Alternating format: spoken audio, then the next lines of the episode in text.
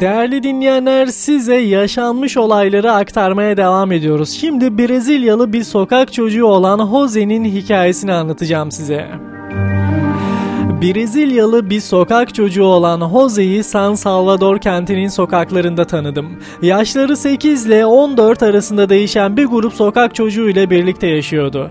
Bana geceleri uyudukları artık kullanılmayan otobüs garajını gösterdiler. Yatakları karton kutulardı. Çok dikkatli olmaları gerektiğini çünkü polisler yerlerini bulursa çok kötü dayak yediklerini söylüyorlardı. O günü Jose ve arkadaşlarıyla sokakta futbol oynayarak geçirdim. Sokak çocukları bir top alamayacak kadar yoksul oldukları için top yerine çöpte buldukları bir şişeyle oynadık. Fakat çocuklardan biri şişenin üzerine düşüp de şişe parçalanınca oyunumuz son buldu.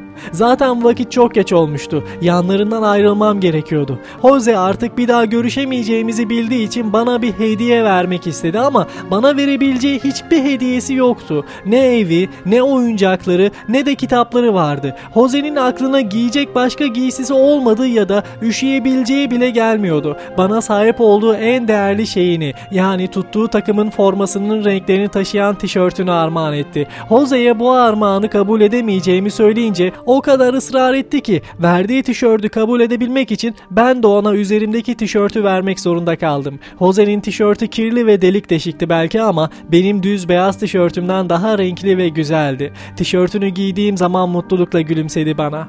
Jose'yi hiçbir zaman unutamayacağım çünkü bana paylaşma konusunda herkesin öğretebileceğinden çok şey öğretti. Yoksul bir sokak çocuğu olabilirdi ama tanıdığım en iyi insanlardan biriydi. O zaman dünyadaki tüm insanların paylaşmayı öğrendikleri takdirde dünyada açlık ve yalnızlık denen şeyin ortadan kalkacağını ve çekilen acıların azalacağını anladım. Yani Jose bana kimsenin veremeyeceği derslerden bir tanesini vermişti.